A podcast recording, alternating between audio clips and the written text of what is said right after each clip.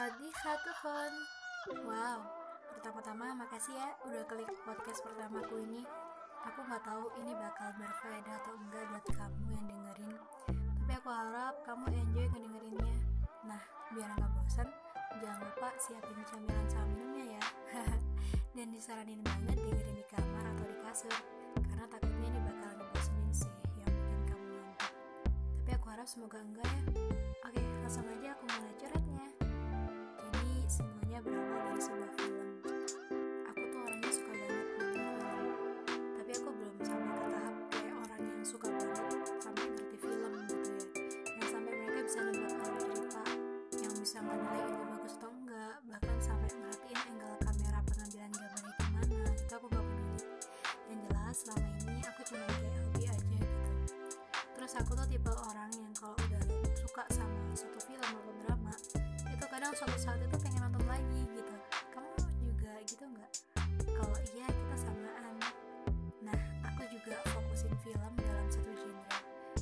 berarti nggak nggak suka genre yang lain ya misalnya nih kayak genre romantis komedi. Seperti yang aku baca pengertiannya dari Wikipedia jadi genre ini tuh film dengan alur cerita yang riang dan lucu. Jadi dia berpusat pada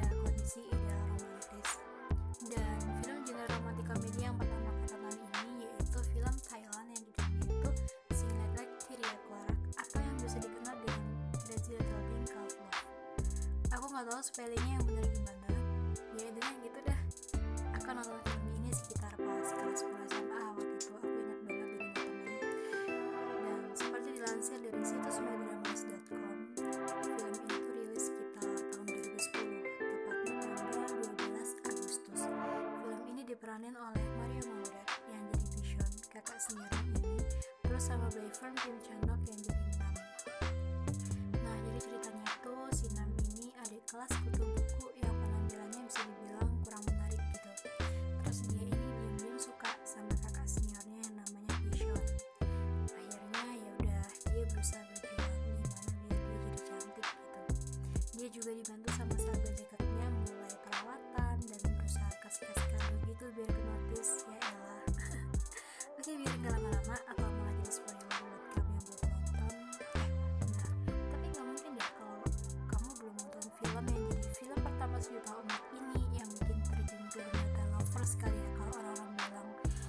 langsung aja ke penghujung podcast ini. Aku mau bahasin atau adegan di mana yang kayak jadi intinya sebuah film ini gitu.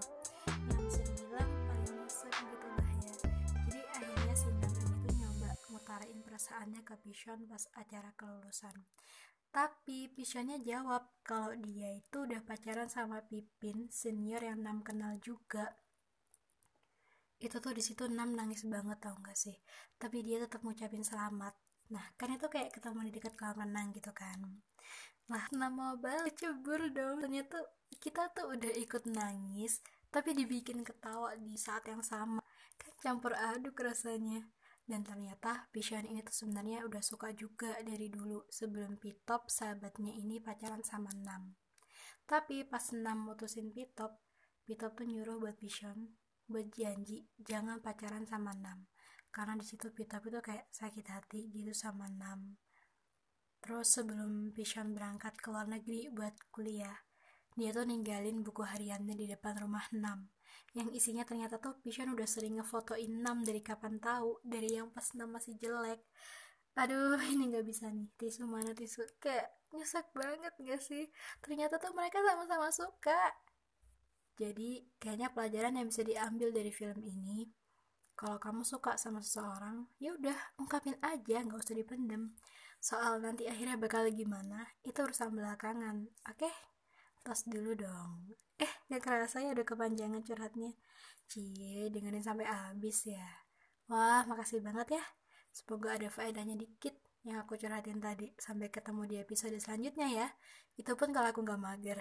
Kapkun ka, sadika.